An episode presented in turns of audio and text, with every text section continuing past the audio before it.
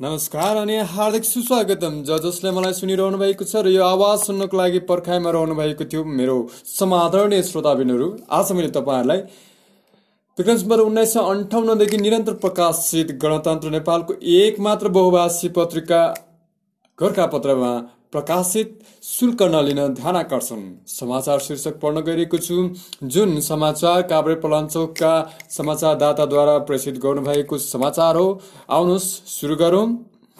नेपाल विद्यार्थी सङ्घ काभ्रेले अनलाइन कक्षा सञ्चालनका नाममा शुल्क नलिन निजी विद्यालयलाई ध्यानकर्षण गराएको छ।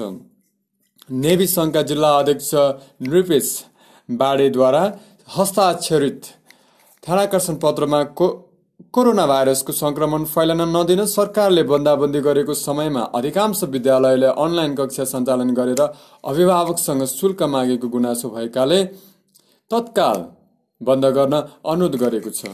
सङ्घले वैशाख र जेठ महिनाको शुल्क मिनाहा गर्न अन्य देशका पब्लिकेसनको पुस्तक पाठ्य सामग्रीको रूपमा प्रयोग नगर्नुहुन एवं पब्लिकेसनले दिने पुस्तक छुट शुल्कको पन्ध्र प्रतिशत रकम अभिभावकलाई दिलाउन र पोसाक परिवर्तन एवं पुस्तक पब्लिकेसन परिवर्तन नगराउन ध्यानकर्षण गराएको छ।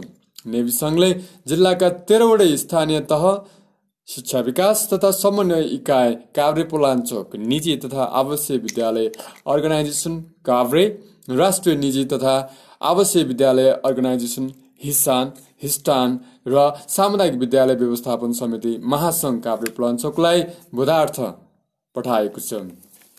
आदरणीय श्रोताबिनहरू निश्चय नै यस्तो विषम परिस्थितिको बेलामा चाहिँ कुनै पनि विद्यालयहरूले चाहिँ विभिन्न शीर्षकमा चाहिँ शुल्क नउठाउँदा पनि धेरै नै राम्रो हुन्छ। किनकि हामी सबैलाई विदितै छ कि सबैजना एक त एक तरिकाले एक हिसाबले मानसिक तनावमा गुज्रिरहेका छन् बाँचिरहेका छन्।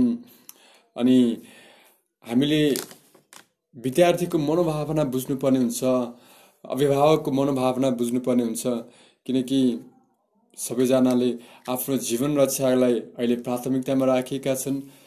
जब हाम्रो जीवन रक्षा हुन्छ सुरक्षित हुन्छ रोगबाट हामी बच्छौँ त्यसपछि बाँकी कुराहरू हामी व्यवस्थाहरू मिलाएर लानेछौँ।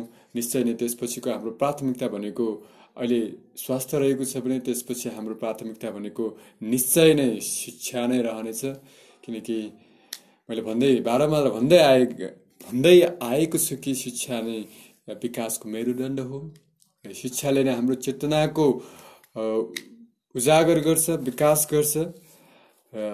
यसलाई ध्यान दिनुपर्छ भन्दै म तपाईँहरूलाई धन्यवाद व्यक्त गर्दै फेरि पनि अर्को प्रस्तुति अर्को समाचार लिएर म आउने नै छु। यसरी नै मेरा अनुभव र विचारहरू तपाईँमा पोख्ने नै छु साट्ने नै छु।